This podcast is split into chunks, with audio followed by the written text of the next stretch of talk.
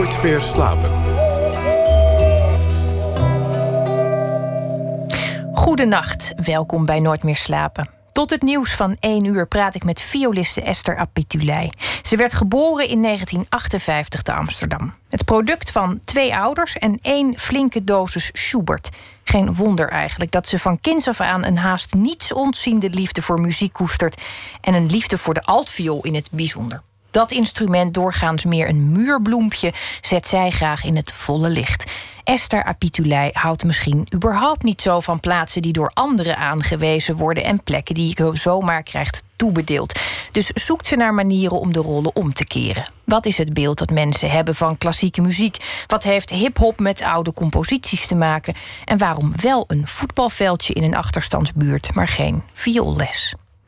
Zo, zo creëert ze eigenlijk spelenderwijs situaties waarin de dingen die niet samen konden ineens wel samen gaan. En dat is ook te zien aan het programma Esther Apitulijs Locomotive, dat op 12 maart in première gaat. En daar zal onder meer de voorstelling Bach en Bleekwater te zien zijn. Over de ontmoeting tussen een schoonmaakster en een violiste. En over wat ze elkaar eigenlijk te bieden hebben. Esther, welkom. Hallo. Zonder Schubert was jij er misschien niet eens geweest. Nee. Hoe zit dat? Um, ja, dan moeten we even teruggraven naar mijn ouders. En dan wel op Koninginnedag. Koninginnedag, waar iedereen natuurlijk feest viert. En ook zo mijn moeder um, op een feestje beland waar een vleugel stond. En zij ging als jonge dame ging ze piano spelen. En er zat een jonge man en die luisterde. En die dacht, god, wat speelt zij mooi ik wil met haar samenspelen. Maar ze kenden elkaar niet. En um, ze, hij ging ernaast zitten. Nou ja, en dan als je met z'n tweeën achter één piano zit... en dan ook nog Schubert gaat spelen... Ik bedoel, als jij Schubert gaat horen... en dat is de grote fantasie voor quatre voor vierhandige... vier handen achter één instrument... en je gaat dan Schubert horen, ja, dan word je vanzelf verliefd. En dan krijg je kinderen van. En zo was ik er op een gegeven moment eigenlijk was de muziek er al voordat je DNA zelfs maar uh, gefixt exact, was. ja. Bijzonder. Hoe zat dat thuis? Um, wat ik neem aan dat die liefde voor muziek... die, die tussen jouw ouders uh, duidelijk was... zich ook in de, in de grote lijn van het gezin heeft voortgezet. Ja. Was het een verplichting of was het een vanzelfsprekendheid? Dat jullie... Nee, het, was zeer, het ging helemaal organisch. Ik had geen idee dat het eigenlijk eh, iets aparts was. Ik dacht dat het dat hoort gewoon bij het leven, zoals drinken en eten. Uh, iedereen in de wereld speelt een muziekinstrument. Zo dacht ik dat, dat ook dacht echt. Je echt. Ja, dat dacht. Want ook toevallig in de buurt, want ik speelde ook veel op straat. De vriendinnetjes en vriendjes, die speelden ook allemaal piano of blokfluit of wat dan ook. Dus voor mij was het echt totaal. Uh, normaal dat iedereen een muziekinstrument speelde. Dat was in die tijd. Ook op school had ik ook altijd muziekles. En aan het eind van de week uh, ging je met de hele klas ging je zingen. En iedereen die een instrument kon spelen, was de weekafsluiting. Dat was zoiets uh, ja, natuurlijks. Dat heb ik me nooit zo gerealiseerd. Pas veel later. Uh, realiseerde ik van, oh, die speelt helemaal niks. Wat gek. En dan echt zo van, hoezo speel jij geen instrument? Vond ik heel raar. Ja, je zou met zo'n wereldbeeld bijna denken... dat er dan gelijk iets mis is met iemand. Wat, wat zie Ja, precies. Ja, Hij dat... speelt geen piano, helemaal niks. Nou, maar dat is natuurlijk ook zo. Er is ook echt wel veel mis met mensen... als ze geen instrument spelen. Bij jou was het piano, hè, aanvankelijk. Want de viool kwam pas later. Heb ik dat goed onthouden? Ja, klopt, ja. En dan moet er dus een moment zijn geweest dat jij, uh, hoe, hoe, liefdevol je ook achter die piano zat uh, dagelijks. Dat je, dat je, dat je een, een liefde opvatte voor, voor, voor een ander. Voor een ander instrument. Ja, nou, mijn broer speelde, mijn oudste broer speelde viool. En mijn andere broer speelde dwarsfluit. En mijn moeder speelde cello. Mijn vader speelde piano. En mijn moeder speelde ook dus piano. En mijn moeder had piano in haar hoofd voor mij. Dus ik ben met piano begonnen. Vond ik ook geweldig. Totdat ik op een gegeven moment... Uh, mijn, mijn, mijn broertje studeerde viool in zijn slaapkamer. Dat was tegenover mijn kamertje. En op een gegeven moment raakte ik in een soort... Ja, een soort magie kwam er over me heen. En ik hoorde plotseling die viool door die deur heen. En ik dacht, wow, wat is dit waanzinnig eigenlijk. Wat is dit prachtig. Zo'n heel klein viooltje met vier snaren en een strijkstok. Dat je daar zo'n van die magische klanken uit kan trekken. En toen raakte ik een soort eh, magnetisch naar zijn deur. Uh, ging ik voor zijn deur zitten. En toen bleef ik gewoon heel lang op de grond zitten luisteren. Want ik durfde het niet te storen. En toen dacht ik, van, ik wil ook viool spelen. Ik wil echt ook een viool hebben. En toen mocht ik pas op mijn twaalfde een viool. Ik moest nog twee jaar wachten. Jeetje. Ja. Ja, want jij was natuurlijk... De, die, de piano was aan jou toebedeeld... en er was al een violist in huis. Ja, daarom waarschijnlijk, ja. Dat was het. En mijn moeder had ook zoiets... maar dat heb ik ook geloof ik wel overgenomen... met mijn eigen opvoeding, met mijn kinderen. Um, probeer nou eerst maar de piano even op een bepaald, ja, bepaald niveau te spelen. En dan mag je wel over naar een ander instrument. En daar ben ik eigenlijk heel dankbaar voor, want ik speel nog ontzettend veel piano. En uh, dat, dat, dat vind ik heerlijk. Want die piano staat natuurlijk altijd. Ik heb een vleugel thuis staan. En als ik dan zo s'avonds na een concert thuis kom, om half twaalf, twaalf uur, en ik zie die vleugel staan, en sla ik een boek open van Beethoven, Chopin, weet ik veel. Dan kan ik nog echt nog anderhalf uur achter die vleugel een beetje spelen. En dat zou ik met mijn altviool niet zo gauw doen, want ik heb natuurlijk al, had ik al gespeeld. Maar het is vooral omdat je dan een, dat bijna als een soort uh, hobby beschouwt. En het repertoire is ook waanzinnig voor piano. Je hebt ook niemand nodig. Als violist heb je, kan je natuurlijk heel goed solo spelen. Maar als pianist heb je, speel je en viool, en tweede viool, en altviool, en cello, en contrabas. Alles zit in die, in die akkoorden. Dus je mist niks. En het repertoire van, van ja, de klassieke muziek is krankzinnig groot op piano. Daar ben ik wel echt jaloers op ook. Ik zie het aan je. Ja. dan, dan is er natuurlijk een moment dat je beseft niet alleen dat het niet, niet vanzelfsprekend is dat niet iedereen uh, dat speelt, maar, maar ook dat, je, dat de, de liefde die je voelt voor muziek blijkbaar groter is dan alleen binnenshuis. En, um, en dat je daar zelfs je hele leven ja. mee wil. Het is toch een beetje alsof je met je jeugdliefde trouwt. Het is, het is, het is, het is heel het erg een logische weg. Het is, ik, het is natuurlijk altijd vreemd hoe je leven loopt als je zo van de middelbare school. Wat, wat dan? En dan als je een liefde hebt, zoals ik dan wel met muziek, dan is het vrij logisch dat je die stap neemt. Um, ik, ik, ik, rolde er gewoon echt soort in. Ik, ik, ik geloof ook niet dat ik ooit bij stil heb gestaan dat ik ook iets anders zou kunnen doen. Want zoals met mijn eigen kinderen, die dan vragen van... Um, ja, als ik nu nou, nou uh, dat vak ga kiezen, dan, dan ben ik dat plotseling. Dan kan ik dus niet dat andere vak kiezen. Zo die discussies, die heb ik, heb ik wat ik me herinner, helemaal niet gehad. Voor mij was zo vanzelfsprekend dat, vansprekend dat ik naar, de, naar het conservatorium ging. En ja, daar kwam ik terecht en ik vond het echt geweldig. Gewoon, ja, het is natuurlijk heerlijk. De hele dag muziek maken. Vond echt ja, een geweldige tijd. Nou, ik had niet altijd een geweldige tijd, want ik was kennelijk een, een lastige leerlinge. Ik moest wel heel vaak naar de directeur. En uh, daar had ik op de middelbare school ook al een beetje last van. ik dacht, nu ben ik vrij. Kan ik gewoon doen waar ik zin in heb. Maar ja, soms dan moet je gewoon een bepaalde kant op strijken in een orkest. En dat wil ik dan niet. Of een dirigent die mij aankijkt en zegt van... Uh, staat daar geen uh, pianissimo? En dan zeg ik, dan kijk ik in de partituur en staat er pianissimo. Dan zeg ik, nee, dat staat er niet. En dan krijg je dat soort discussies. Zeg, ik moet het er even inschrijven, wacht even. En dan een hele groep die ernaast zit, die zit helemaal te lachen. Want dat klopt natuurlijk niet. Ik was een beetje opstandig wel altijd, geloof ik. Ja. Nee, je was vooral je was heel blij, maar ook op een soort, uh, nou ja, een beetje jonge honderig, denk ik bijna. Je stommelde die wereld in vol enthousiasme en flikkerde daarbij allerlei heilige huisjes omver misschien. Ja, ik had wel, ik, eh, wel moeite, en dat is misschien, daar raak je wel iets, inderdaad grappigs, want dat, zo heb ik het nooit gezien. Ik heb inderdaad altijd een beetje wel problemen gehad met de, met de uh, ja, so, de dingen zoals het moet en hoort. En in de klassieke muziek zitten er enorm veel wetten en codes in die eh, vanzelfsprekend dat je die moet doen. En dat vind ik niet zo vanzelfsprekend. En kennelijk heb ik die uh, in mijn ja, mijn, mijn, mijn, mijn jonge leven heb ik daar altijd tegen aangeschopt. Op de een of andere manier. Ik vond het altijd leuk om juist het tegenovergestelde te doen dan wat de mensen verwachten. Ik las een heel mooi verhaal in dit kader. En dat, is, uh, dat, dat ging over het dragen van een rockkostuum. Um, dat schijn je als vrouw schijn je dat niet te mogen. En daar was jij ook niet zo'n uh, nee. aanhanger van. Hoe zat dat eigenlijk? Dat... Um, ja, ik speelde in het uh, Concertgebouworkest. En um, toen studeerde ik geloof ik nog.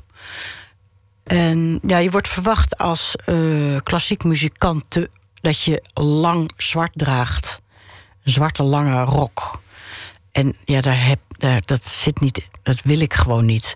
Dus dacht ik, weet je wat, ik trek een rockkostuum aan. Dus ik heb toen een rockkostuum gekocht, tweedehands op het Waterloopplein ergens.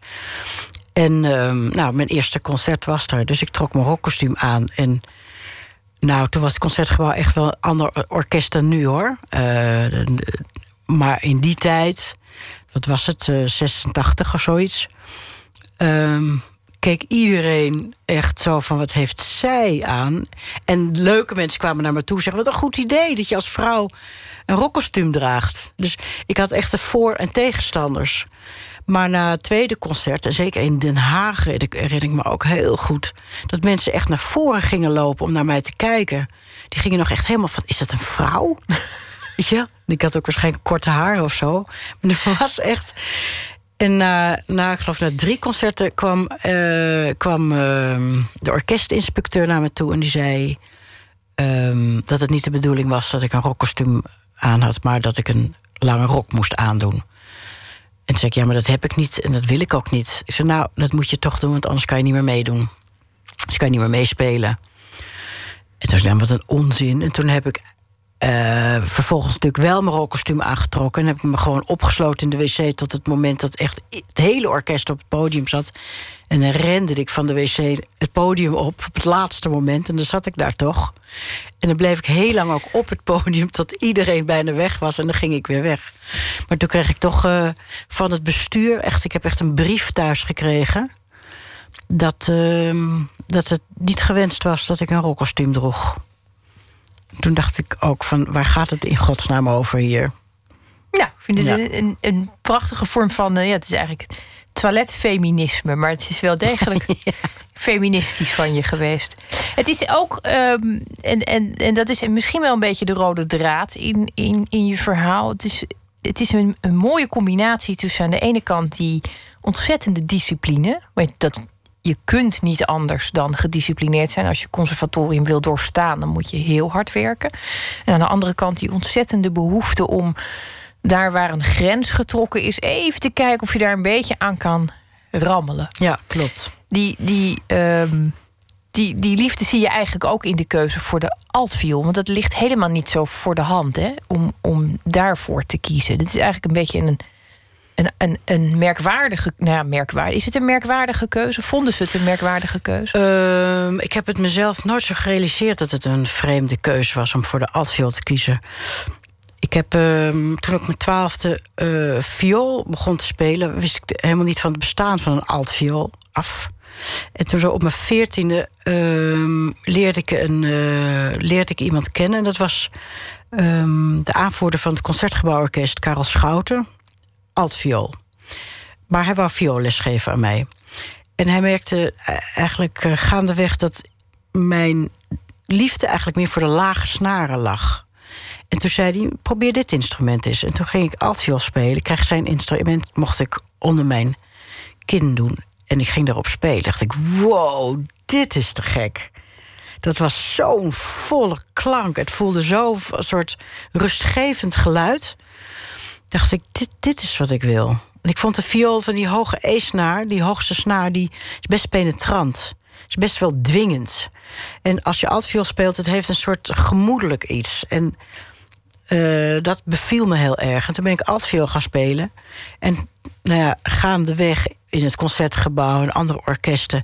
En ik merkte dus die, die codes en dat plicht, plechtmatige wat er aan vastkleefde. Terwijl ik de muziek geweldig vond om te spelen. Eh, ik heb echt geweldige tijd met onder Bernard Haitink, Shostakovich spelen in de grote zaal. Ik bedoel, wat wil je nou nog meer? Maar ik voelde gewoon ook de, de, de sfeer van zo'n orkest. Het is toch, ja, daar had ik moeite mee. Ook dus door dat rockkostuum. En ik, eh, soms had ik die streken, wilde ik juist de andere kant op strijken. En ik had andere vingersetting. Ik bewoog ook te veel in het orkest. Mensen vroegen van, kun je niet wat rustiger zitten? Dus ik, er was iets dat ik dacht van... nee, ik geloof dat ik niet... Uh, dit is niet mijn missie hier, om in een orkest te gaan zitten. En er was ook nog een man die ook in het orkest zat. Die zat bij de tweede viola. En ik werd gevraagd of ik op tournee wilde gaan... En toen dacht ik, wow, ik ben nog maar twintig... en ik kan nu al op tournee met zo'n groot orkest. En die zat daarbij en toen zei hij... dit moet jij niet doen, Esther. Dit is niet, jij moet eerst jezelf ontwikkelen. En dan, later kan je nog altijd in orkest. Daar ben ik eigenlijk heel dankbaar voor. Want die orkestinspecteur vroeg dat aan mij aan tafel. En die man die zat ernaast, die tweede violist. En die zei tegen die man... nee, Esther gaat dit niet doen. Esther, je moet nee zeggen. Dus ik, oh, nou, ja, en toen dacht ik, ja, misschien heeft hij wel gelijk. Dus ik heb gewoon nee gezegd. En ik denk dat dat ook een soort uh, moment is geweest in mijn leven... dat ik daardoor een andere weg ben ingeslagen. En daardoor ben ik meer kamermuziek gaan spelen. En uh, heb ik in het Asko Schoenberg, zoals het nu heet, gezeten. Heel veel moderne muziek. Heel veel getoerd ook. Veel kamermuziek, strijktrio, kwartetten. Van alles gedaan. En op een gegeven moment heb ik geloof ik de keuze genomen om uh, ook solo te spelen. Ik dacht, ik vind het zo jammer dat in een strijkkwartet... dat je als altviolist uh, toch weinig de melodie hebt. Je moet altijd maar de eerste viool die de melodie heeft ondersteunen. Vind ik ook prachtig hoor. Hou ik ook heel erg van, om in zo'n kwartet te zitten. Maar ik geloof dat mijn karakter iets zei van... hallo, mag je ook even een keertje? En dan had ik maar acht maten, dan was je weer klaar. Je moest weer pa, pa, pa. Toen dacht ik, nee, ik ga ook nu iets... Ik, ik wilde een uitdaging in mijn leven. En toen heb ik besloten om solo te gaan spelen. En toen kwam ook het volgende. Dan ga je naar een impresariaat. En er was maar één impresariaat in die tijd. En dan ging ik naartoe, ging naar de baas. En ik zei, ik heb een vraag. Ik uh, ben altviolist en ik wil heel graag solo spelen. En toen keek die man mij aan met zijn dikke buik... en die sigaar in zijn mond. Die zei, altviool solo? Nou, sorry, dat kan ik echt aan de straatstenen niet kwijt. Nee, dat is echt niet. Dat is, dat, uh, ik wil je wel proberen te helpen, maar verwacht er echt helemaal niets van. Dus ik ging daar echt gedesillusioneerd. Ging ik weer naar huis op mijn fietsje. Hoe moeilijk moet het zijn? Maar juist omdat het zo moeilijk was, dacht ik: ik ga hiervoor vechten. Ik ga echt nu zorgen dat die altviool ook solo kan. En er zijn in de wereld ook wel altviolisten. Er zijn er echt een handjevol mensen. Maar uh, dat uh, weer stuitte me niet om, dat, uh, om die weg niet in te gaan. Ik dacht, ik wil het gaan bewijzen dat het wel kan. Was er repertoire voor? Want je noemde het net even dat, dat je altijd jaloers bent op, op pianisten... omdat ze zo'n zee aan mogelijkheden hebben. Ja. Ik kan me voorstellen dat het bij de altviool er anders uitziet. Dat klopt, ja. Het altviool repertoire is... Uh, nou ja, als je wil is het best groot, maar niet van de grote componisten. Als je dan over grote componisten hebt, zoals Bach, Beethoven, Brahms, Mozart, ja, die hebben eigenlijk nauwelijks iets voor de altviool geschreven. Uh, terwijl ze zelf ook altviool speelden. Dus dat was echt een, vond ik, heb ik altijd raar gevonden. En ik draai het dan eigenlijk wel eens om. Dan zeg ik, ja, die componisten zijn niet, zo, niet voor niks zo goed geworden... omdat ze altviool speelden. En waarom? Als je altviool speelt, zit je namelijk in de harmonie. Je zit er echt in. Dus als je even visueel kan voorzien je voor, uh, dat, je, dat, je, dat je vier, twee handen hebt op de piano. En dan heb je je duimen. En die, dat is, de, zit, zit, dat is de, de harmonie van binnenin, zeg maar. En dat, zijn eigenlijk, dat is de altviool. Die hoor je eigenlijk nooit, nooit zo goed. Je hoort altijd de melodie links, rechts. En links hoor je de cello. Die, die, die zeg maar het fundament van de, van, de, van de harmonie. Maar de middenstemmen, dat zijn dus de duimen en de, de, je wijsvinger... die vullen de klank op. En dat is de altviool. En um, dus als je als componist altviool speelt... en je zit echt in de harmonie... dan kan je pas echt goed horen wat je hebt geschreven. Dat, denk, is mijn theorie hoor. Dus ik denk dat daarom ook uh, Bach en Mozart en Brahms zo goed goede componisten waren. Ja, en wat, je, wat, je, wat jij nu doet, is mij iets uh, duidelijk maken waar ik helemaal geen beeld bij had. Waar ik nu dus wel een beeld bij heb. Dat is eigenlijk ook iets uh, wat jouw missie voor een deel is geworden. Duidelijk maken wat de rol kan zijn. En, en hoe dat er dan uitziet en wat je daar allemaal mee kunt. We gaan even luisteren naar uh, de trailer van de voorstelling die er aankomt. Op, op, die, uh, op, op het festival wat er aankomt zit een voorstelling Bach en Bleekwater. Ja. Het gaat over een ontmoeting tussen twee vrouwen met een heel ander leven en wat ze elkaar te bieden hebben. Gaan we even naar luisteren. De nanoseconde voordat de eerste maat gespeeld is. Samengevalde concentratie. Alles kan nog gebeuren.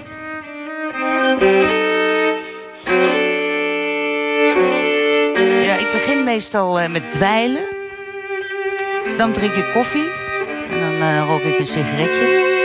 Ja, wat ik opveeg is eigenlijk niet uh, het stof van anderen, maar mijn eigen gedachten en woorden en hersenspinsels. Nooit zo'n recensie gehad van overtuigende schoonmaakster naast matige Hamlet.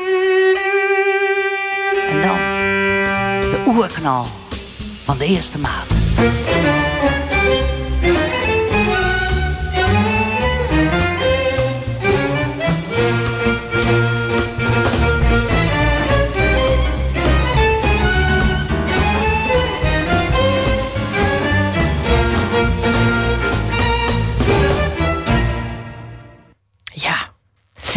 Dat is een, uh, ja, dat is uh, uh, weer leuk om te horen. Ehm, Leni Brederveld horen we hier. Die speelt de schoonmaakster. Jij speelt, want dat is het wat je doet. Jij speelt de altvioliste. Ja. Die twee vrouwen ontmoeten elkaar. Of dat nou toeval is of niet. Dat, daar heeft het universum eigenlijk zelden een antwoord op. Of dat toeval is of niet. Wat hebben die twee aan elkaar? Of wat, wat, wat gebeurt er tussen die. Dit zijn, dit zijn dus waar jij heel goed in bent. Twee werelden die ja, jij ik, op hetzelfde podium brengt. Ja, ik vind het leuk om bruggen te slaan naar andere werelden. En uh, die andere wereld ook te laten horen van... echt klassieke muziek is echt geweldig mooi om naar te luisteren. En uh, het idee is ontstaan door Ko van der Bos, de schrijver... over de schoonmaakster die op hetzelfde moment besteld is... als het, als ik als concert. Ik geef een concert. Zo'n soort eigenlijk een soort planningsfout. Dus zij staat daar een beetje te stofzuigen en ik, geef, ik ga daar een concert geven. En dan krijgen we een dialoog tussen elkaar van... Uh, wat doet u hier? Zeg, wat doet u hier? U bent een beetje laat. Nee, u bent veel te vroeg. En dan zeg ik, ja, maar er zit, uh, zit er publiek hier. Ze, ja, die zitten toch voor mij, niet voor jou. Zei, ja, mijn publiek is ook te vroeg. Nou, zo gaat het een beetje door. Zei, nou, weet je wat, doe jij nou maar jouw werk. Ga maar schoonmaken. En dan ga ik beginnen met spelen. En dan gaat ze toch die stofzuiger weer aandoen. Ik zei, nou, dat maakt een beetje te veel lawaai. En dan gaat ze uiteindelijk gaat ze dweilen. Maar die vrouw, uh, die zit in haar eigen wereld... en die raakt toch langzamerhand in de band van wat wij aan het doen zijn... En gaat zich ook echt mee bemoeien. En uh, ja, dat vind ik, vind ik mooi. Om die, om die nuchterheid. Want klassieke muziek heeft iets heiligs. Dat moet ook. Het is ook prachtig. Je moet er ook gewoon echt naar, met je ogen dicht naar kunnen luisteren. En uh, jezelf naar een andere wereld wanen. Maar uh, ik vind de nuchterheid die daar tegenover staat... vind ik ook zo ongelooflijk leuk. Er zit ook humor in. En dan bij klassieke muziek zit natuurlijk eigenlijk nooit humor. En doordat zij dat zo brengt, ga je ook weer heel anders naar klassieke muziek luisteren. En dat is eigenlijk, denk ik, uh, achterliggende gedachte ook om ja, klassieke muziek toegankelijker te maken, ander soort mensen binnen te halen. Nou ja, ik, heb net, ik werd opgehaald door de taxichauffeur. Die vond het een geweldig idee. Die gaat ook gelijk komen. Dus dat vind ik precies, dat soort mensen vind ik leuk om binnen te halen. Er zit natuurlijk ook echt een drempel. Dat merk ik zelf ook altijd. Omdat ik dan denk, ja, dan wil ik wel naar zo'n concert... maar ik weet het eigenlijk niet zo goed wat het dan precies is. En dan zit ik tussen al die mensen die dat wel allemaal weten. Ja. Moeilijk, moeilijk, moeilijk. Ja. Ja. dan hoop je dat er zo'n wervelwind opstaat... die je ermee naartoe sleurt. Maar dat, ja. dat, dat is natuurlijk... Ook als we nu kijken, jij, jij zei helemaal aan het begin... een beetje hoe het er bij jou op school aan toe ging ik zou willen dat het nog zo was. Ja, ja maar, het is echt is... het is, het is echt wat dat betreft heel treurig ja. eigenlijk. Ja. ja, nee. ik denk dat de mensen niet beseffen. Ik, denk, ik bedoel, er is ook veel ellende en er is ook recessie en dat moet ook bezuinigd worden, natuurlijk. Maar een van de belangrijkste dingen in het leven überhaupt is jezelf verrijken. En dat kan je alleen maar doen door kunst en cultuur. Uh, dat, is, dat is nou het enige wat in het hele leven je uh, blij van kan worden. Dat je kan van, van kan genieten.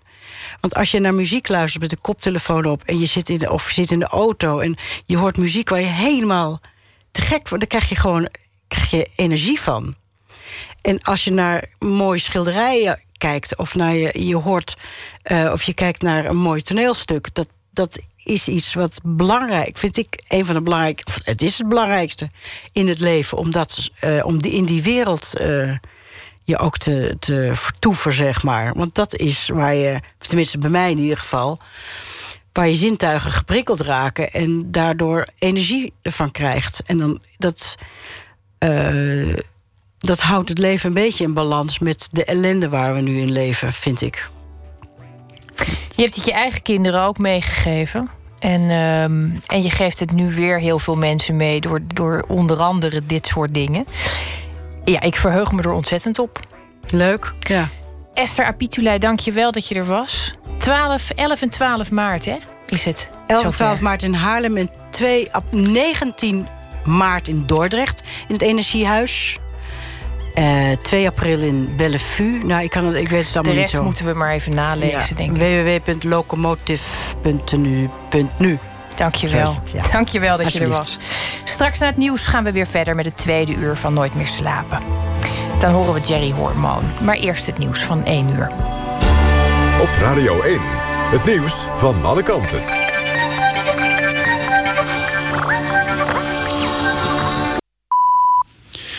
1 uur, Jan van der Putten met het NOS-journaal. De VVD zag het tijdens de kabinetsformatie in 2012 niet zitten... om Femke Halsema een ministerspost te geven. Premier Rutte heeft dat bevestigd in Met het oog op morgen. Halsema is de oud-partijleider van GroenLinks. In haar memoires schrijft ze dat PvdA-prominent Ascher... haar polste voor een ministerspost op Binnenlandse Zaken... of ontwikkelingssamenwerking. Rutte was niet van Aschers plan op de hoogte. Als VVD dachten we dat we met de PvdA gingen regeren... en niet met nog een partij, zegt de premier. Volgens Rutte ging die vorm van politieke vernieuwing net iets te ver. De Turkse politie heeft met traangas en een waterkanon betogers verjaagd bij het gebouw van mediaconcern Zaman. Vanmiddag trokken honderden demonstranten naar het gebouw in Istanbul nadat de krant Zaman onder staatstoezicht was gesteld. Veel Turken zijn kwaad over het besluit van een rechter om een bewindvoerder aan te stellen bij Zaman. Dat is de grootste krant van Turkije. Die krant schrijft geregeld kritisch over de regering en over president Erdogan. Na het ingrijpen van de politie was het plein voor het hoofdkantoor vrij snel ontruimd. Daarna bleef er politie bij het gebouw, vermoedelijk om een nieuwe betoging te voorkomen. Spanje stevend af op nieuwe verkiezingen. Ook in een tweede stemming kreeg de socialist Pedro Sanchez te weinig stemmen om tot premier te worden gekozen. De partijen hebben nu twee maanden de tijd om een nieuwe coalitie te vormen. Lukt dat niet, dan moeten in Spanje nieuwe verkiezingen worden uitgeschreven.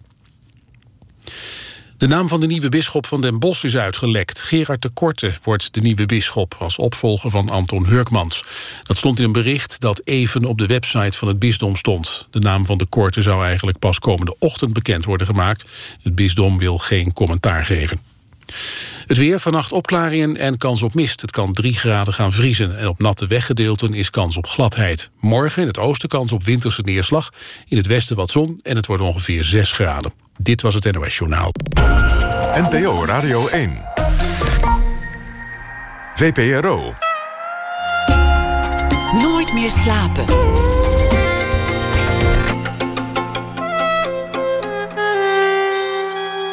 Met Esther Naomi Perquin. Goedenacht en welkom terug bij Nooit meer slapen. Hoe is het om een SS'er te spelen? Na ene spreken we daarover met acteur Hans Kesting... die in de voorstelling De Welwillenden de rol vertolkt van SS-officier Max Auwe. En Jeroen Robert Kramer komt straks langs. Zo'n tien jaar was hij in oorlogsgebieden werkzaam als documentair fotograaf. Maar hij besloot een nieuw leven te beginnen als kunstenaar in Libanon. Maar we beginnen met proza bij het nieuws van de afgelopen dag. De opdracht waar we deze week Jerry Hormoon voor hebben gestrikt. Eerder schreef hij onder een andere naam de kinderboekenserie Borren. En hij was gitarist bij een punkrockband Die Epers. En onlangs publiceerde hij de veel verkochte, veel besproken, veel gelezen verhalenbundel Het is maar bloed. Jerry, goedenacht. Goedenacht Esther, hallo. Hoe zag jouw, uh, jouw dag eruit? Was het een productieve dag? Ja, ik heb vandaag de hele dag in de studio gezeten met mijn nieuwe band, de Cherry Hormone Ego Trip. Dus ik, uh, ik heb eigenlijk geen daglicht gezien. Dat klinkt als een uh, echte rock en roll sfeer. Geen daglicht nou, hebben gezien en uh, de hele nee, dag in een. Dat is, dat is niet echt rock and roll, het is gewoon dat er geen ramen in die studio zitten. dus ik heb gewoon, ik heb gewoon braaf koffie gedronken en om, om 12 uur een boterhammetje met kaas. En nee, ik, we zijn het mixen. Dus dan moet je een beetje scherp blijven. Dan kan je niet. Dan kan je je niet permitteren om te, al te nee, rock en rollerig... Kan, je, dan kan je niet al om 11 uur s ochtends gewoon dronken door de studio gaan liggen rollen. Want nee. dan, uh, dan, gebeurt er weinig. Hey, heb je bij die bruine boterham met kaas dan ook nog de, netjes de krant gelezen? Ja, natuurlijk. Ja, ik, ik zou dat normaal zou ik dat natuurlijk overslaan. Want dan ben ik alleen maar bezig in de studio. Maar ja, ik, moet, ik kan natuurlijk niet nou zeggen van ik heb niks. Dus uh, ik, had, ik, ik had een beetje in de krant gekeken en een beetje natuurlijk op het internet. En uh, ik zie nou net voorbij komen dat, dat het in Turkije dat het weer zo'n zo'n teringbende is. Ja. Met dat, en dat had ik altijd wel leuk, dat wel leuk, want ik heb zelf ook een tijd bij, bij de schoolkrant gezeten en dan kreeg ik nooit een stuk doorheen, omdat er ook uh, nogal censuur was. Je mocht daar niks over de leraar schrijven. Dus daar had ik leuk op, op kunnen schrijven, maar daar heb ik dus niks bij. Oh. Ik heb, ik, nee, ja, helaas, maar dat, dat doe ik de volgende keer wel dan. Ja, dat houden we te goed. Wat is het wel geworden? Het is, uh, uh, dat ze zijn nou bezig geweest te denken nou dat ze weten wie Banksy is. Oh, nou, ik ga naar je luisteren. Komt-ie. Het was lang spannend, maar nu weten we dan helaas eindelijk wie het is. En wel dankzij geografische profilering. Geografische profilering, dat is, ik citeer voor het gemak even Wikipedia... een methode waarbij de locaties van een samenhangende serie misdrijven... worden geanalyseerd om het meest waarschijnlijke woongebied van de overtreder vast te stellen. Deze methode wordt vooral gebruikt om terroristen en seriemoordenaars op te sporen. In dit geval hebben wetenschappers van de Queen Mary University in Londen niet de locaties van een serie misdaden, maar die van de street artwerken van de wereldberoemde, maar in anonimiteit levende kunstenaar Banksy geografisch geprofileerd. En wat blijkt, achter het pseudoniem Banksy schuilt ene Robin Gunningham. Op het internet zag ik een foto van hem. En Banksy ziet er dus blijkbaar een klein beetje lullig uit. Op, wegmysterie. Ik moest meteen aan Marek van der Jacht denken. Die won in 2000 met zijn roman De geschiedenis van mijn kaalheid de Anton Wachterprijs. Een prijs voor debutanten. De geschiedenis van mijn kaalheid leek wat betreft stijl verdacht veel op het werk van de Anton Wachterprijswinnaar van 1994, te weten Arnold Grunberg. Dus iedereen lekker speculeren of Grunberg niet stiekem onder een heteroniem aan het bijklussen was geslagen. Aan die lol kwam al snel een eind toen een stelletje wiskundigen een computerprogramma losliet op wat teksten van het tweetal. Wat bleek uit deze wetenschappelijk verantwoorde stijlanalyse? De teksten moesten wel door één en dezelfde persoon geschreven zijn. Per e-mail bekende Marek van der Jacht aan Grunberg te zijn... en Grunberg zelf zag af van commentaar. Dat was dan wel weer grappig, maar toch, hop, weg mysterie. Dus ik zou willen zeggen, wetenschappers, hebben jullie niks beters te doen? Ga boeven vangen, joh. Jerry Hormo, dat is nou eens een, een, een, verhaal waar ik me ontzettend bij kan aansluiten. Laten we eens ophouden met het lekprikken van al die prachtige mysteries die we dan nog hebben. Het is een ja, doodzonde natuurlijk. Echt, van, die, van die kinderen, van die kinderen in groep 3 die tegen de kinderen in groep 2 gaan zeggen dat Sinterklaas niet bestaat. Ja. Dat zijn ze. Nou, laten we het niet. Laten we nu niet verder over Sinterklaas hebben. Stel dat er nog mensen luisteren die daar niks van weten. Laten wij nu met z'n tweeën Oh, ja, gewoon alles intact laten. Voor alle vijfjarigen die nog wakker zijn. Ja, die, Uh, Jerry, dank je wel voor deze week. En ik uh, wens jou, uh, afgezien van alle rock en roll activiteiten die je nog zult verrichten, ook vooral een hele goede nachtrust. Dankjewel. Jij ook veel plezier nog vannacht. En ik, ik spreek je later. Ja, dat is goed. Dag. Hoi. I'm looking for joyful songs. En het waren niet de minste die op de oproep van soul-veteranen Mavis Staples reageerden. Benjamin Booker, Ben Harper, Nico Case en ook Nick Cave schreven een nummer voor de inmiddels 76 jaar oude Mavis Staples. En hier is dan Jesus Lay Down Beside Me.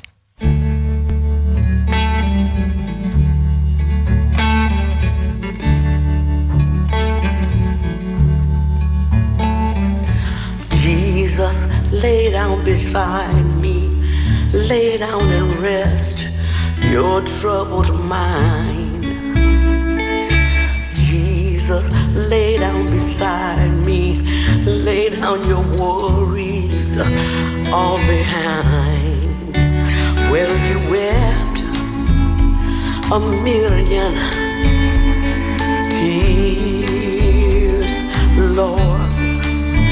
for the truth has fallen on deaf ears, Lord.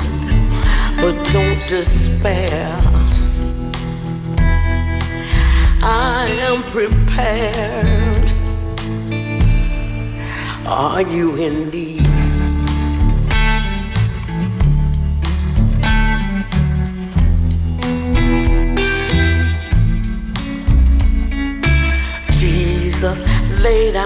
Down me, down at the dark end of the day. Jesus, lay down beside me, let all your sorrows fall away. When the night has grown so dark, Lord, and the flowers of your love, Lord, sweet Lord, refuse to see in a world full of greed. Mm, Are you in need? Are you?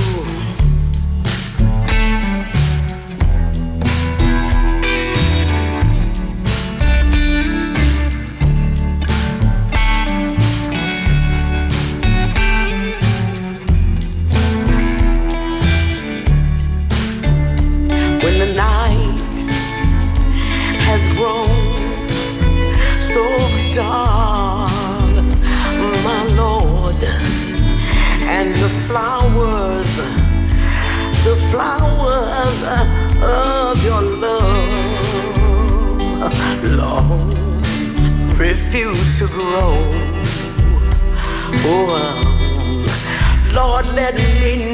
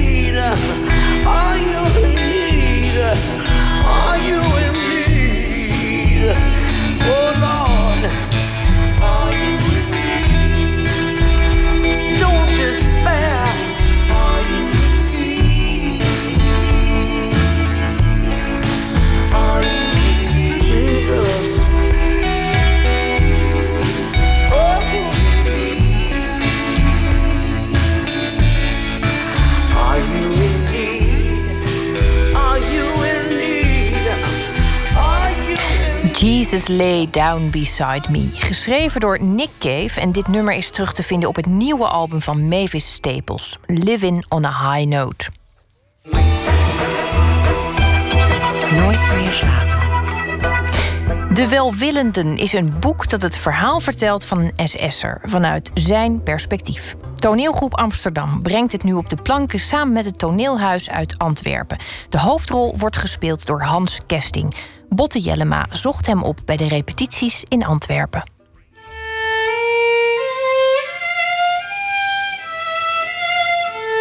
Laat me u vertellen hoe het ging. Het is een trieste geschiedenis, maar toch ook een verhaal met een moraal. Een vrij lang verhaal. Er heeft zich heel wat afgespeeld. Maar misschien bent u niet gehaast, misschien heeft u tijd. Ik zal er alles aan doen om duidelijk te blijven. U hebt de garantie dat in wat ik u ga vertellen geen enkele vroeging zal doorklinken. Ik heb nergens spijt van. Ik deed mijn werk meer niet. Misschien zal ik tegen het einde wel over de schreef zijn gegaan, maar in die fase was ik ook niet echt meer mezelf. Ik wankelde. En trouwens, om mij heen kantelde de hele wereld. Maar ik was niet de enige die zijn hoofd verloor. Zo begint Hans Kesting het verhaal in zijn rol als Max Auer. Vanaf dit moment staat hij twee keer anderhalf uur op het podium... als de oud-SS'er uit het boek De Welwillenden van Jonathan Littell. Littell schreef het boek in 2006... na vijf jaar intensief historisch onderzoek. Het vertelt het verhaal over de Tweede Wereldoorlog... vanuit het daderperspectief. En daarom is het geliefd en gehaat. Het is een man die, dat zeggen we ook in het script... en dat is voor mij een catchphrase... Ik, eh, sinds mijn kinderjaren word ik achtervolgd door een heftige drang naar het uh, absolute en naar het overschrijden van grenzen. In mijn denken heb ik altijd het radicale gezocht. En hij groeit op in een maatschappij waar dat nu net aan de hand is. Waar een, waar een, waar een machthebber is en een, en een systeem is... Die, die zeggen, we gaan deze maatschappij herdenken. Nou ja, herscheppen. Uh, uh, dus er gaat een op omwenteling plaatsvinden... waar hij deel van uit wil maken. Oude is, vind ik, iemand die niets moet hebben van de status quo... van het doorsnee, van alles wat gewoon is... maar voortdurend zoekt naar de extreme... Dat is voor mij de reden waarom hij aan dat avontuur uh, begint. Uh, om aan die carrière begint. Uh, ja, ja. Binnen de SD en later de SS. Ja. Max Ouwe is begin twintig als de oorlog begint. Hij voelt als jonge man een sterke drang naar wat onbekend en extreem is. Daar kan ik me wat bij voorstellen, eerlijk gezegd. Bij, die, bij dat verlangen. Dus, dus daarom vind ik het geen, geen psychopaat. Nee. Ja, maar goed, ik snap ook wel dat je dat van hem kunt vinden. Maar dat vind ik dan, denk je, ja, dan zet je hem weg, dan is hij dus gek. Ja. Dat vind ik niet. Er zit comfort in de gedachte dat alle SS'ers psychopaten waren. Met name films uit de populaire cultuur hebben dat beeld langzaam maar zeker in ons collectieve geheugen geprent. Ze waren gestoord. Zolang je van jezelf denkt dat je dat niet bent, leef je dus in de prettige wetenschap dat wat de nazi's hebben gedaan jezelf nooit zou doen. Alleen wijst onderzoek uit dat veruit de meeste SS'ers helemaal geen psychopaten waren. Dat is statistisch gezien ook onmogelijk. Het is een ongemakkelijke waarheid en die wil Littell tonen. De schrijver heeft ook uh, contractueel vast laten leggen dat alle verwijzingen van runetekens en SS-dingen of hakenkruisen of alles meer, dat, dat, die wil dat niet. Dus het zijn op, uh, op SS, op nazi-uniformen uh, uh, geïnspireerde kostuums met decoraties. Die, die, die, die, die, die, die, dat lijkt op decoraties, maar het is feitelijk niks. Het zijn verwijzingen. Ja. ja. Maar goed, het zijn wel duidelijk militaire kostuums. ja de schrijver zegt heel nadrukkelijk van... het moet, het moet er op het podium ook generieker uitzien. Hè? Als, als, geen swastika's, geen, ja. geen hakenkruisen. Maar generieker. Waarmee je het in feite ook naar een, naar een ander niveau tilt... kunnen we dit allemaal zijn? En, en als je het generieker vertelt... dan zou je dat antwoord is dan dus ook op dat niveau ja. Um, ja, ik hoop dat dat het effect zal zijn, ja. Niet alleen van die kostuums, maar van de hele voorstelling zoals we er nu aan bezig zijn. En van de manier waarop het boek teruggebracht is tot dit stuk. Uh, tegelijkertijd is mijn angst soms dat de bewerking een te uitgebeende weergave is van, uh, van het boek. Snap je? Dat het. Maar ja, daar kan ik niet meer overzien. Dat kan je niet meer overzien. Ik bedoel, dat heb ik, op, dat heb ik na de eerste lezing over het script opgemerkt... Tegen, tegenover Guy Cassiers, de regisseur en de dramateur. Die hebben, die hebben dat gehoord, maar die vinden dat niet. Uh, en ik ben ook wel iemand die zegt van nou, we gaan er nu aan beginnen. Ik kan niet iedere dag zeggen... overigens ben ik van mening uh, dat dit script... Uh, snap je, dat gaat niet. Nee, dat, nee, dat werkt niet. Plus, uh, dit, dit is het boek ook niet natuurlijk. Nee, maar goed, je, je, je bent wel schatplichtig aan het boek. En de ene toneelbewerking van een boek lukt beter dan de andere. En er is op dit punt een verschil tussen het boek en de toneelbewerking. Twee weken geleden was er in de stad Schouwburg van Amsterdam een avond met lezingen over het stuk. Een van de sprekers was historicus Bart van den Boom. En die zei. Ik heb beide gelezen en ik vind die figuur in de toneelversie een interessantere, zou interessanter kunnen zijn omdat hij gewoner is. Ik speel ook geen gek. Nou ja, de, uh, hoe zou je dat ook moeten spelen, maar ik bedoel, nee. Ik speel iemand die, die, voor die, die, die, die terugkijkt en die, ding, die dingen overkomt. Ja. Kijk, ik zal niet ontkennen. Kijk, ja, gek is zo'n zo ook een gratuit woord, snap je? Ik bedoel, ik ben. Jij, eh, als, als jij me vraagt, ben je nou normaal? Dan zeg ik, nou, nee, de bot, ik geloof niet dat ik 100%. Ik ben ook wel een beetje gek. Maar ik bedoel, jij, dat heb, we zijn toch niet allemaal alleen maar één. We zijn toch een. een uh, we bestaan toch uit myriaden van. Snap je? We zijn, jij, bent ook, jij hebt ook een gekte in je. Ik heb ook een gekte in me. Uh, ieder mens heeft dat in meer of mindere mate. Het is is een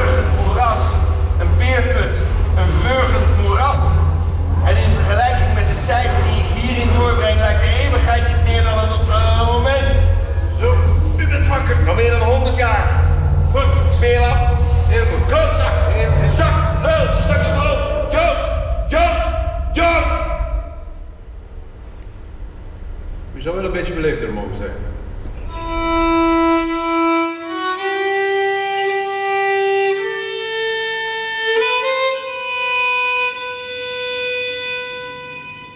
Het toneelbeeld is minimalistisch, zij het met veel techniek. Op een gaasdoek zien we het hoofd van Max Auer groot geprojecteerd. We kruipen erin. Op de achtergrond hoog opgestapeld roestige archiefkasten. Op de voorgrond treinrails. Maar verwacht voor het drama geen massascènes à la Schindler's List. Dit is kleiner. Elke avond in de voorstelling komt een jongetje van een jaar of tien het podium op. Hij speelt viool.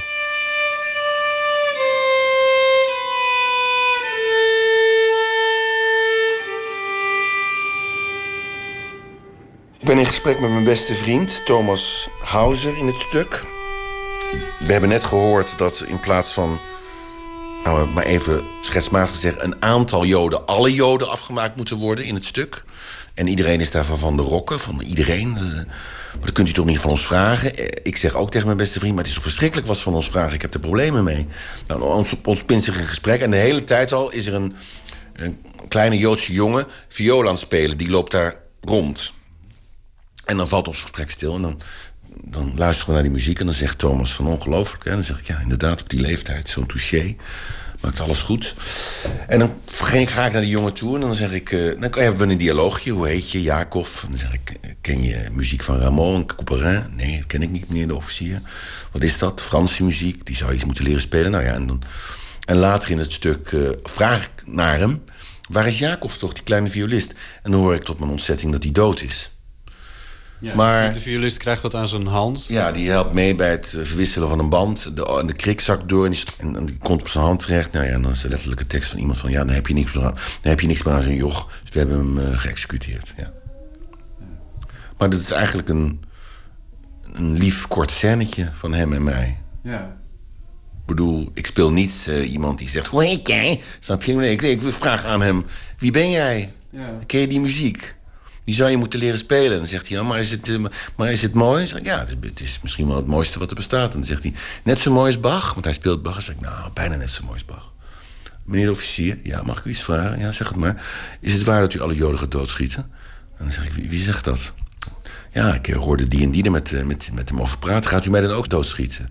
En dan zeg ik, nee, hoe kom je erbij? Nou, dan zegt hij, ik ben ook een Jood. Dan zeg ik, dat doet, dat doet er niet toe, jij werkt voor ons. Maar dat is ja, in al zijn eenvoud en verschrikkelijkheid ook, wat er gevraagd wordt. Een mooi scènetje, vind ik. Waarin je heel goed kunt laten zien dat het eh, geen boze wolf is. Nou ja, maar het jongetje overleeft het niet. Nee, maar dat is niet zijn, niet zijn particuliere schuld van mijn oude. Ja, een ongeluk, ja. Ja, ja, ja nee, het jongetje overleeft het niet. Nee, nee, dat is natuurlijk de dreiging die boven het hele verhaal hangt. Eh, ook dat stukje, snap je? Ja, nou, dat, dat, dat bedoel ik dus inderdaad ook met van... we kijken nu terug, het- in het boek wordt teruggekeken... in het stuk, je kan ook niet anders dan Nee, terugkijken... omdat je weet wat er is gebeurd. Ja, ja dat, dat, daar- dat is. En dat maakt de hele onderneming ook zo eh, griezelig, snap je? Of zo, ja. Omdat je met, met zulke bekende en tegelijkertijd ook onbekende materie. Want is er ooit een toneelstuk verschenen in, op het Nederlands toneel. waaruit vanuit daderperspectief over de Tweede Wereldoorlog wordt gesproken? Ik, geloof het niet. Nee. Ja, dus het is. de- ja, je wilt nooit onzin verkopen natuurlijk, maar in dit nu al helemaal niet, begrijp je?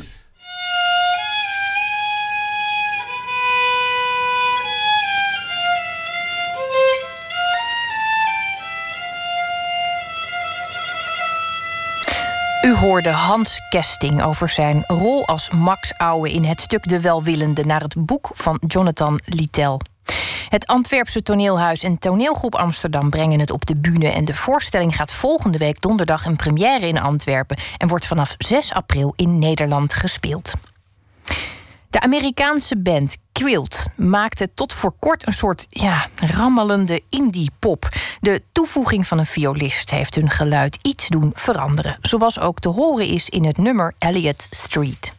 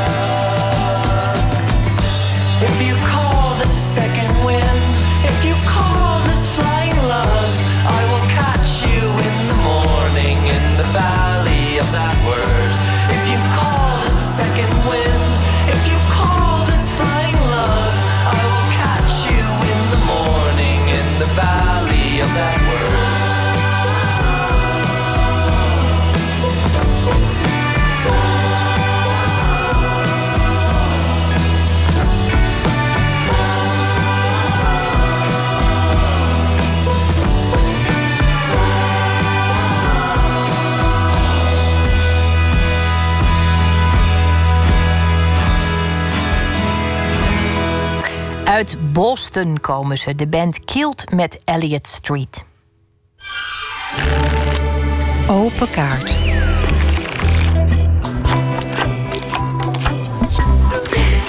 Onze rubriek Open Kaart bepaalt de gast zelf welke vragen er worden gesteld. Er zitten 150 kaarten in de bak waarop vragen staan. Vragen over werk en over het leven. En deze keer spelen we Open Kaart met fotograaf Jeroen Robert Kramer. Die al 16 jaar in het Midden-Oosten woont en werkt. Eerst in Syrië, daarna in Libanon. Hij begon als oorlogsfotograaf, maar na de burgeroorlog in Libanon kreeg hij een hekel aan zijn werk en zijn eigen foto's. Nu maakt hij kunstfoto's. In de documentaire De Wereld volgens Monsieur Kiar en de fototentoonstelling Une Femme legt Kramer het leven vast van Monsieur Kiar, die zelf nooit op beeld verschijnt. De vraag is natuurlijk wel of deze mysterieuze man niet misschien een betere versie is van Jeroen Robert Kramer zelf. Jeroen, fijn dat je er bent. Ja, Ben je nu ingevlogen of ben je hier eh, eventjes? Ik ben, eh, eh, eh, ik ben hier gekomen om de, eh, de expositie op te bouwen.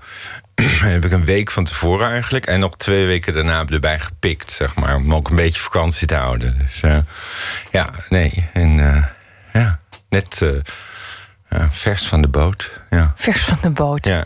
Die, ehm, die expositie, laten we daar even beginnen. De tentoonstelling Une Femme. Die opent volgende week zaterdag in Huis Marseille in Amsterdam. ja. Wat, wat kunnen we daar verwachten te gaan zien? Oeh. eh, ehm, nou, het is een, eh, het is een narratief. Eh, maar wat aardig is misschien, is dat... Ja, nou ja, het voor het eerst is dat ze natuurlijk het hele museum wijden aan een fotograaf. Dat is heel leuk. En ze gaan ook een betonnen kamer bouwen. En een hele grote betonnen kamer. En er komen maar heel weinig foto's. Dat zijn er maar 24. Maar dan zijn er ook weer in één kamer 2500 foto's. Dus. ehm, en je wordt eigenlijk door een verhaal meegevoerd. eh, met geluid. Er is, is een geluidskunstwerk wat ik samen met een Ne- Nederlands of een, eigenlijk een Engelse geluidskunstenaar, Mark Glynn, gemaakt heb. Ehm, eigenlijk, eh, en ik hoop dat het lukt, zeg maar, is het een voor, voor, voor, voor, voor, de, voor de museumbezoeker een enorme verplaatsing in iets, in iets anders. Je komt eigenlijk in een andere eh, eh, wereld terecht. Is, dat, is, is die betonnen kamer ook toegankelijk? Ja. En, Maar ik ga het niet verklappen. Nee, dat, is, dat lijkt me heel, eh, heel, heel fatsoenlijk van je. Monsieur Kiar, laten we het daar even over hebben. Dat is een, een, een man door wie jij geïntrigeerd eh, raakt. En die een hele belangrijke rol gaat spelen in je werk... terwijl die eigenlijk nooit te zien is. Ja, klopt. Ja. Wat voor figuur is deze Monsieur Kiar? Wat voor man is dit? Ehm, nou, het is iemand die ik tegengekomen ben, nou al een hele, ja, eigenlijk al een hele tijd geleden. Ehm, maar het is een hele mooie Libanese meneer. Ehm, en is, is fysiek heel mooi. Maar hij is ook iemand die zeer erudiet is. En, en dan in wat het, verhaal, zeg maar, er is, wat gebeurd. Ik wilde graag weten. Dat wordt nooit verklapt. En hij eh, spendeert zijn tijd in Beirut. eh, ja, eigenlijk eh, ondergedompeld in Franse literatuur. Hij was leraar Frans, 40 jaar. En, en lange, lange wandelingen zeg maar, door de stad. Ehm, en hij wilde, hij wilde absoluut niet gefotografeerd worden. En ehm, ik, ik wilde het eigenlijk heel graag. En toen dacht ik van nou, misschien kom ik, kom ik er wel uit dat ik hem kan fotograferen als we bij, dichter bij elkaar komen. En dus ik stelde voor, ik zeg van nou, misschien is het dan interessanter om de wereld vanuit uw ogen te zien. dus tijdens de wandelingen foto's te maken. En uiteindelijk is dat dus uitgelopen op een vriendschap. En dat is een. eh, en daar is natuurlijk de roman van gemaakt, zeg maar. Het is een hele ingewikkelde vriendschap, vond ik. Want eh, hij is ook wel. Het is ook je rechter. Hij is ook streng. Hij stelt kritische vragen. Hij wijst je op je verantwoordelijkheden. Het is geen gemakkelijke man. Ja. Ehm, Een hele nare man eigenlijk. eigenlijk ook een hele nare man. Ja, klopt. Wat misschien wel een hele interessante basis is voor een vriendschap. Ja, eh, zeker. Het is in ieder geval eerlijk. Ja, klopt. Ja. Nee, zeker. Hij is, eh, hij is ongelooflijk abusief. Ja. Ja. En je houdt het vol met hem. Ja, ja, klopt. Maar dat zit ook in mijn karakter. Ik ben iemand die vaak conflicten uit de weg gaat. Eh, en daarom had hij waarschijnlijk ook geen grip op mij. Dat was het eigenlijk. Het is, eh, je hebt dus zelf een wonderlijk eh, verleden. Je begon als oorlogsfotograaf en eh, gaandeweg dat werk raakte je eigenlijk getraumatiseerd door wat je deed. Je kreeg een hekel aan die foto's. En je bent nu bezig om dingen vast te leggen die veel meer te maken hebben met het, met het alledaagse, met het kleine en, en, en ook de schoonheid Ja. daarvan. Ja. ja. Is dat een therapie die je voor jezelf hebt ingezet of is dat een te groot woord? Nee, ehm, nee, ik denk eerder gezegd.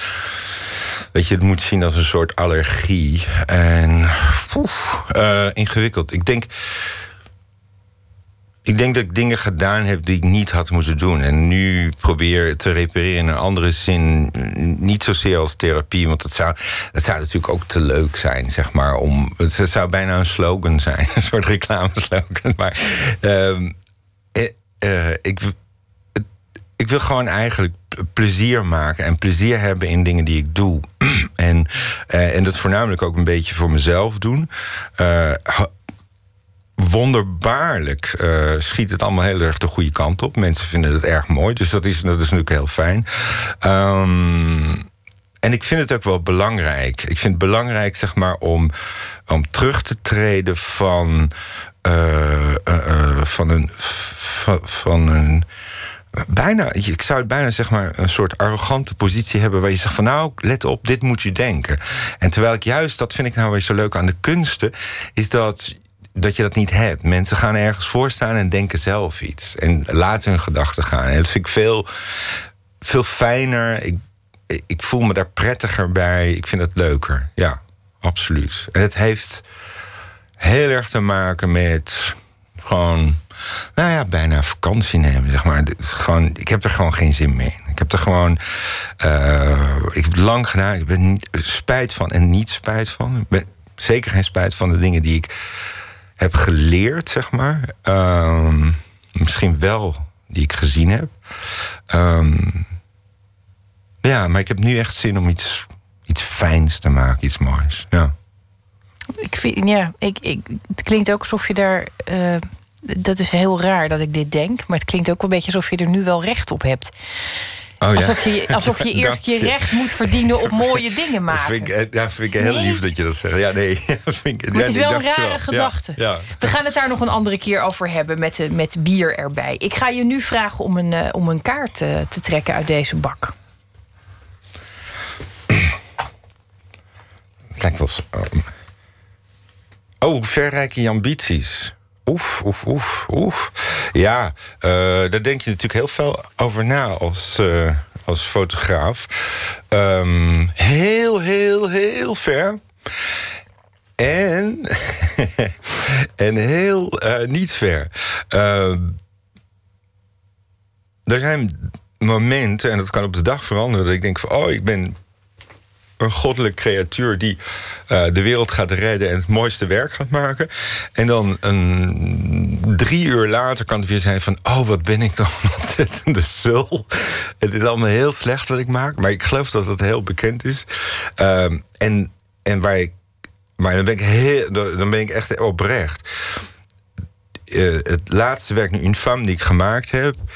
dacht ik van, nou, oké... Dus heb ik laten lezen aan drie personen. Het zijn drie personen die heel dicht bij me staan. Dat is een, een, een schrijver, een Ierse schrijver, een, een, eh, Libanese intellectueel. En eh, een Frans-Iraans intellectueel. En zei ik, nou, hier is het. Dit is het boek. En toen hebben we het gelezen. En toen heb ik eigenlijk van allen een enorme veer in mijn kont gekregen. Eh, en toen dacht ik van, dit is het.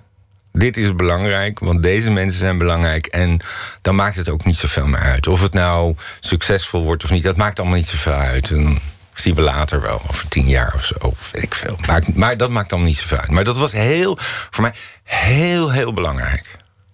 En dat, dat ging eigenlijk maar om drie mensen. Ja, maar je ambitie kan heel verrijken en tegelijkertijd dus blijkbaar heel intiem zijn. Ja, klopt. Ja, ja dat, is, dat is bij mij zeker het geval. Ja, in dit geval, ja. Ja, absoluut. Ja. Nog een kaart? Trek nog een kaart. Ik vind het zo leuk nu. Wanneer laat je iemand vallen? Eh, fysiek of eh, mentaal?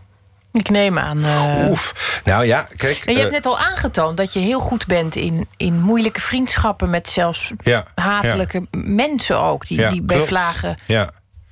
Eh, Niet zo gauw, schat ik dus. Oh in, ja, eigenlijk. nee. Nou ja, eh, eh, nogmaals, ik zei, maakte net een grap toen ik de studio binnenkom. Ik hoef mijn telefoon niet uit te zetten, want ik ga toch nooit. En dat is ook zo. Ehm, ik, heb maar ik heb maar heel weinig vrienden. Maar dat zijn vrienden waar ik echt alles voor zou doen. En, en dat is ook een beetje het Libanese, zeg maar. Is, ik maak wel eens een grap. Je kan eigenlijk tegen je, je, je vriend in Libanon zeggen van... Stel geen vragen, maar stap op de eerste vlucht naar New York. Ga naar dit adres, gooi een baksteen naar door, de, door de ruit en kom terug. Dan stellen ze geen vragen. En ik vind dat geweldig. En ik heb het dus ook aan de lijve meegemaakt dat eh, iemand eh, zijn baan en zijn, zijn baan heeft geriskeerd om mijn visum te regelen voor. eh, Algerije. Zeggen mensen. En niet zomaar iemand, gewoon iemand die echt 15.000 dollar in de maand vindt als advocaat. Hij zei: nee, nee, is geen probleem. Ik teken wel voor je een garantie en dat soort toestanden en zo. En als daar ook maar iets fout was gegaan, was hij daardoor zijn baan kwijtgeraakt. Hij doet het gewoon. En toen had ik zoiets van: dit wil ik ook zijn. Ik wil zo zijn. Ik wil eh, de, de genereusheid hebben en de, de kracht, eh, voornamelijk de kracht hebben om niet te tellen en te zeggen van dit is mijn vriend en eh, dat is belangrijk. Lijkt me een heel mooi voornemen. Is het, is het iets cultureels, denk jij? Is- Zou je je kunnen voorstellen dat dit in Nederland zo werkt? Dat geen vragen stellen en zo ver gaan? Of heeft dat ook te maken met... Ja, ik hoor wel eens, ik, hoor, eh, ik kook, jij was af. en ik wil nu eigenlijk voor, misschien voorstellen van eh, als je van iemand houdt om de hele week te koken en de hele week af te wassen. Ik vermoed nu dat dit een eh, kleine, heel, misschien een kleine, maar toch een, een bijzondere volksbeweging in gang zet. Laatste kaart.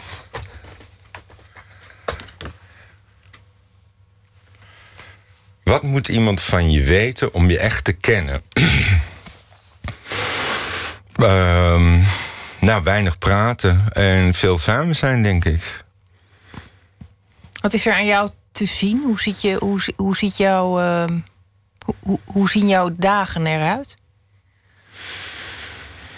Mm, Als ik bij jou zou zijn en niet met je zou praten, alleen Ja. zou kijken wat je zoal. Ik ben iemand die bijvoorbeeld, ja, dat is, ik ben iemand die gewoon eigenlijk wel te veel werkt eh, en te, te weinig pauzes neemt. En, en niet eh, moeilijk, het moeilijk vindt om naar een restaurant te gaan of om naar een film te gaan. En dat zou ik meer moeten doen. Ehm, maar dat is. eh, het zijn eigenlijk, is het. wa- Wat ik, wat ik, wat ik, wat ik een beetje door de, door, de, door de tijd meegemaakt heb, zeg maar, is van. Het is natuurlijk heel makkelijk. Je, je kan een steentje in een put gooien. En dan hoor je op een gegeven moment wel hoe diep die is, natuurlijk. En, ehm, en het heeft eigenlijk gewoon heel veel zin om tijd met mensen te spenderen. Om te zien wat mensen doen en niet wat ze zeggen. Dus dat is. eh, ja, om het maar op zijn bargoens in het Engels te zeggen. Put your money where your mouth is. ja. Nou ja, zo komen we dan weer terug eh, bij de tentoonstelling die eh, gaat openen. Ik ben eh, heel erg benieuwd, Jeroen Robert Kramer. Dank je wel dat je hier wilde zijn. En een goede reis terug. Dankjewel. Malcolm John Rabenneck Jr., beter bekend als Dr. John, ontwikkelde zich in de jaren 60 tot een eigenzinnige muzikant door onder meer voodoo-rituelen bij zijn optredens te gebruiken. Ook droeg hij de meest extravagante kostuums en pruiken. En uit die periode komt dit nummer Mama Roo.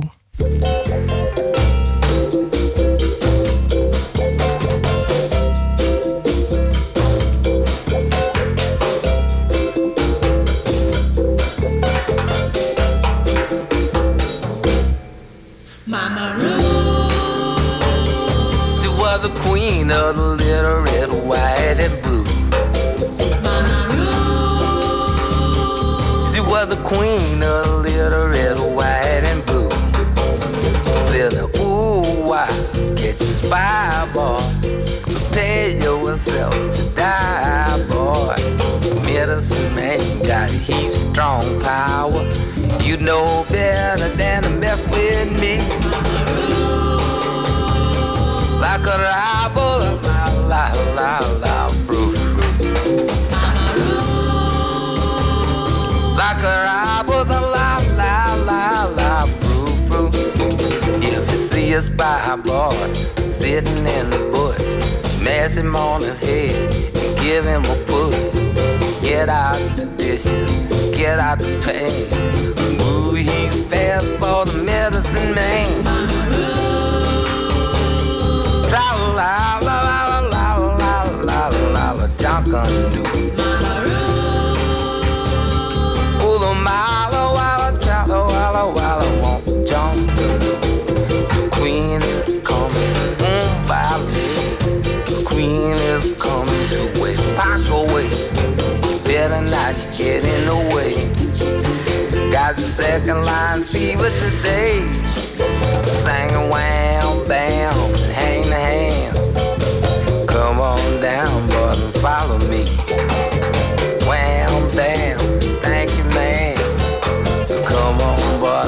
follow me.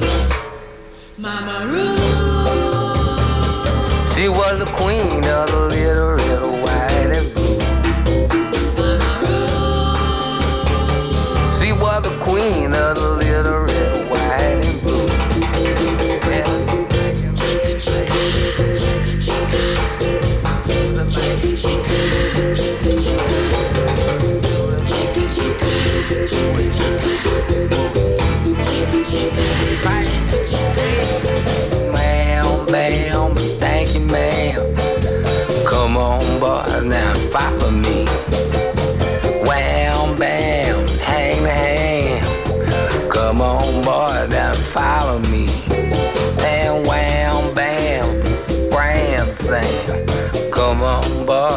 follow me. Living bam. Mama Roo gaat over een voodoo-tovenares uit New Orleans. Daar is een liedje over gemaakt. Het is de staat waar Dr. John vandaan komt. Nooit meer slapen. 1 april grap die zo goed is dat hij tot 2 april duurt. Reageerde econome en filosofe Lisbeth Noordergraaf op het nieuws dat tijdens een groot festival over filosofie en economie op 1 en 2 april in Amsterdam geen enkele vrouwelijke spreker op het programma stond. En het leidde de afgelopen week tot veel ophef. Nachtcorrespondent Adinda Akkermans nam polshoogte en vraagt zich af waarom vrouwen eigenlijk zo slecht vertegenwoordigd zijn in de filosofie. Adinda, Waarom deed er geen enkele vrouw mee aan dat festival? Want het- was het er echt geen enkele? Eh, nou ja, eh, dat wil zeggen, er stond één vrouw op het programma. Dat was eh, Daphne Bunskoek. En zij eh, zou een yogales geven. Maar de grote denkers waren allemaal mannen. Eh Zygmunt Bauman, Yanis Varoufakis, eh Slavoj Žižek. Eh, nou ja, allemaal mannen. En eh, waarom dat was, ja... ze vonden het moeilijk eh, eh, om vrouwen te vinden die geschikt waren. Eh, vrouwen zeiden af. Nou ja, een beetje de gebruikelijke argumenten. En het was reden voor de jonge Vlaamse promovenda Laura Karreman om verhaal te halen bij de organisatie. Nou die antwoordde dus, eh vonden het heel moeilijk om vrouwen te vinden die echt iets weten van die economische en filosofische onderwerpen. Ehm, nou ja, en toen ze daar eh, vervolgens op reageerden met allemaal namen die eh, ze wel hadden kunnen uitnodigen, toen kreeg ze geen antwoord en heeft ze besloten om een, eh, ja, een open brief op te stellen, een, een protestbrief. En heeft die protestbrief geholpen? Ja, zeker. Want er werd enorm gedeeld op sociale media. In België, Nederland en ook daarbuiten. Honderden mensen ondertekenen de brief. Onder wie ook eh, eh, een van de mannelijke sprekers van het festival, Yanis eh Varoufakis. Je weet wel, dat is dus die econoom die furoren maakt als minister van Financiën in Griekenland. En hij beloofde zich zelfs eh, terug te trekken als spreker op het festival. Hoe, hoe reageerde het festival zelf op al deze ophef? Nou ja, toen het dus eenmaal zo groot was geworden, toen waren ze toch wel schuldbewust. Uh, ze zeiden dat ze hun best zouden doen om alsnog vrouwen binnen te halen. En vandaag liet de organisator ook uh, weten dat ze inmiddels uh, vier vrouwen op het programma hebben staan. Maar tegelijkertijd blijven ze ook wel bij het standpunt dat, dat ze het moesten hebben van de aansprekende namen om kaarten te verkopen. En dat je dan toch eerder bij mannen uitkomt dan bij vrouwen. Ja, daar zit wat in. En dat komt natuurlijk ook omdat het een soort vicieuze cirkel wordt als je aansprekende namen hebt en dat zijn mannen, dan vraag je die altijd, waardoor het aansprekende namen blijven. Lijkt mij lastig wat dat betreft. Zeker. Ja, en, en als ik eerlijk ben, ik bedoel, weet jij vijf uh, bekende vrouwelijke filosofen zo te noemen? Uit het blote hoofd? Ik vind het best wel moeilijk. Ik bedoel, ja, als ik even langer nadenk, kom ik uit bij Marta Noesbaum, uh, Suzanne Nieman en onze eigen uh, denkeres des vaderlands Marley Huijer. Maar ja, het is wel waar. In Nederland is maar uh, zo'n 16% van de filosofen vrouw. Dus uh, nou, ik ben even vandaag bij Marley Huijer op bezoek geweest... om te vragen hoe dat nou eigenlijk te verklaren valt.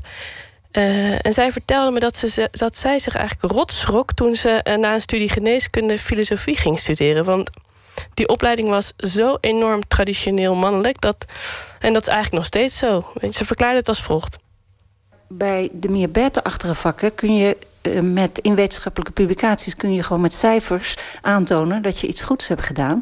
En in de filosofie moet je het van de overtuiging hebben en van het argument. En daarmee ook van de performance. En uh, daar zijn tot op heden mannen beter in dan vrouwen.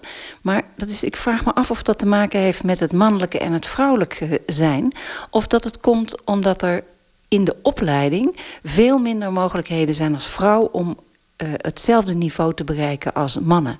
En dat heeft te maken met dat er meer mannelijke docenten, meer mannelijke hoogleraren in de wijsbegeerte zijn. Uh, dat er meer uh, lesstof geschreven door mannen is. En daarin is filosofie een lastig vak, want normaal uh, bij de wetenschappen is het zo dat de meest uh, belangrijke kennis is de kennis van nu. En bij de filosofie heb je gewoon duizenden jaren kennis die voortdurend weer overgedragen moet worden. En die is tot op heden uh, vooral door mannen geschreven. Dat betekent niet dat er geen vrouwelijke filosofen ook lang geleden uh, niet waren. Maar wel dat we die teksten veel minder goed kennen. Nou, het begint volgens haar al uh, met die, dat er minder vrouwelijke filosofie-studenten zijn. En bij elk niveau hoger vallen er eigenlijk meer vrouwen af. Dus je hebt minder vrouwelijke filosofie-promovenda, nog minder universitair docenten. En uiteindelijk heb je in Nederland maar zeven vrouwelijke hoogleraren in de wijsbegeerte. Ik vind dit toch een uh, problematische situatie uh, worden als ik het zo hoor. Zijn, er eigenlijk, zijn het alleen vrouwen die zich hier druk om maken op dit moment? Nee, ik sprak bijvoorbeeld ook met hoogleraar filosofie Antonie uh, Meijers. En die heeft zich heel sterk gemaakt juist om ervoor te zorgen... dat op elk filosofiecongres er minstens een derde van de sprekers vrouw moet zijn. en dat lukt aardig, zegt hij. Maar ja, hij heeft natuurlijk niet, geen invloed op dit soort festivals. Um, nou ja, en, en wat ik me eigenlijk ook afvroeg... van hoe kan het dat zo iemand als Marley Huijer het dan wel lukt? Uh, en dat komt eigenlijk door extra hard te werken, zegt ze. Want uit onderzoek blijkt dat studenten hun uh, vrouwelijke docenten... standaard 10% lager beoordelen. En uh, dat betekent dat je als vrouw dus 10% harder moet werken. Al dus Huijer. Ik ben een volhouder een grote voorwaarde is dat je niet te snel je uit het veld laat slaan. Uh, je krijgt, hoe je het ook went of keert... maar dat hoort ook een beetje bij de top. Je krijgt tegenslagen, je hebt te maken met vernederingen. Je, je, hebt ook te maken met seksisme. Als je voor de zoveelste keer een, een brief krijgt... die gericht is aan de heer... terwijl je nu denkt dat je toch echt wel duidelijk is... dat je een mevrouw bent, ja, dan erger je je wel eens. Maar ja, dat soort ergernissen moeten je niet in de weg zitten, blijven zitten... om, om door te gaan. En ja, het is een, het is een beetje judo. Soms uh, merk je van ja, ik word volledig over het hoofd gezien. Moet je toch ja, bij jezelf denken, weet je wat... ik moet dat niet al te zeer kwalijk nemen. Laat ik even op een vriendelijke manier zeggen van... kan het zijn dat jullie mij vergeten zijn? Ja, kan het zijn dat jullie mij vergeten zijn. Aanstaande zondag is er eh, in de Nieuwe Liefde in Amsterdam... een hele dag gewijd aan vrouwen in de filosofie... met uh, filosofen als uh, Joke Hermsen en Simone van Saarloos. Kijk, en zijn er dan alleen maar vrouwelijke sprekers?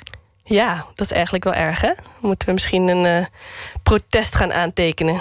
Ik denk eerlijk gezegd dat mannen dat niet zo snel doen. Die zijn uh, natuurlijk bezig om die 10% speelruimte gewoon lekker te benutten. Die hebben daar helemaal geen tijd voor. Dankjewel, Adinda Akkermans, voor je bijdrage. En uh, laten we eens afwachten hoe het er de volgende keer uit gaat zien met dat festival. Goeienacht. Goeienacht. Santi Gold is het project van Santi White uit Philadelphia. Zij ronde twee universitaire studies af om vervolgens in een punkband te gaan spelen. Dat kan natuurlijk ook. Met Santi Gold maakte ze een combinatie van dub en electropop. 99 Cents heet haar nieuwe album en daarvan is dit All I Got.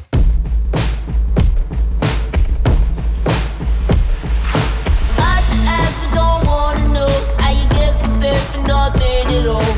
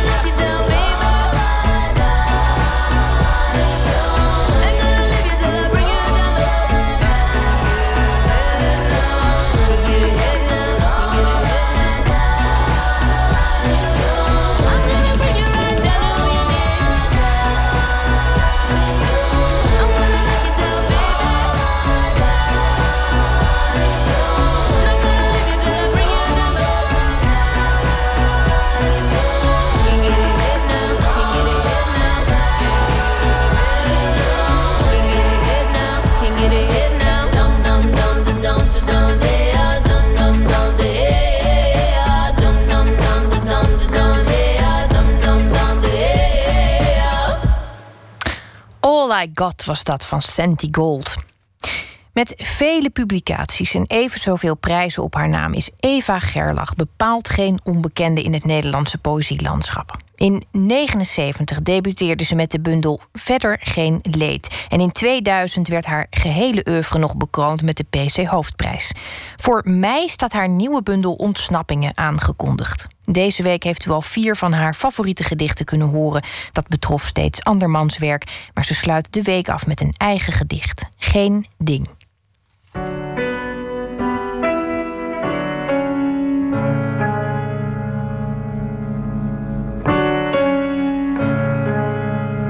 Een gedicht van mezelf uit een reeks oorlogsgedichten geschreven in opdracht van Het Liegend Konijn, een tijdschrift dat een oorlogsnummer uitgaf. Ik heb toen een aantal YouTubes zitten bekijken van kinderen in uh, vluchtelingenkampen in Syrië die vertelden wat ze hadden meegemaakt. Dit gedicht staat in een nieuwe bundel van mij die in mei verschijnt. Ontsnappingen, een reeks van vijf van deze gedichten. Deze heet Geen Ding. In de kelder hield ik mijn zusje op schoot. Ze was pas vier. Ik legde mijn handen over haar oren zodat ze de harde klappen niet zou horen, maar ze voelde ze en ze zag de anderen huilen en ze gilde aan één stuk door. Toen deed ik mijn handen telkens van haar oren om haar te slaan, zodat ze iets zou hebben om over te schreeuwen, iemand om kwaad op te zijn. Toen we buiten kwamen en alles kapot was en overal armen en benen, huilde ze niet. Ze zei niets. Ze verstopte zich onder de pot waarin een vijgenboom groeide. Daar zat ze, alleen, een dag en een nacht. Toen kwamen de mannen. Toen werd het zo dat de dingen ons niet meer kenden. Geen ding. Zo is het gegaan. Daarom liepen we weg. Ze was pas vier, mijn zusje, toen het begon. Wanneer? Eva Gerlach hoorde u met het gedicht Geen Ding. En volgende week hoort u de keuze van dichter Lucas Heers. Ik vertel nog iets over maandag. Dan komt Treintje Oosterhuis langs, die binnenkort de theaters langs gaat met de concertserie Acoustic Sunday Session. Waarbij ze afwisselend begeleid wordt door enkel een gitarist of een pianist. Zij gaat daarover in gesprek met onze eigen Pieter van der Wielen. En verder is er aandacht voor onder meer de film Belgica, de nieuwe film van Felix van Groeningen. En schrijver en raceliefhebber Koen Vergeer komt langs. In zijn nieuwe boek Faust Racer beschrijft hij vijf Formule 1-coureurs wier leven en dood altijd een mysterie is gebleven. Dat onder meer maandag. Straks kunt u natuurlijk luisteren naar de collega's van Woord. Ik wens u voor nu een hele mooie nacht.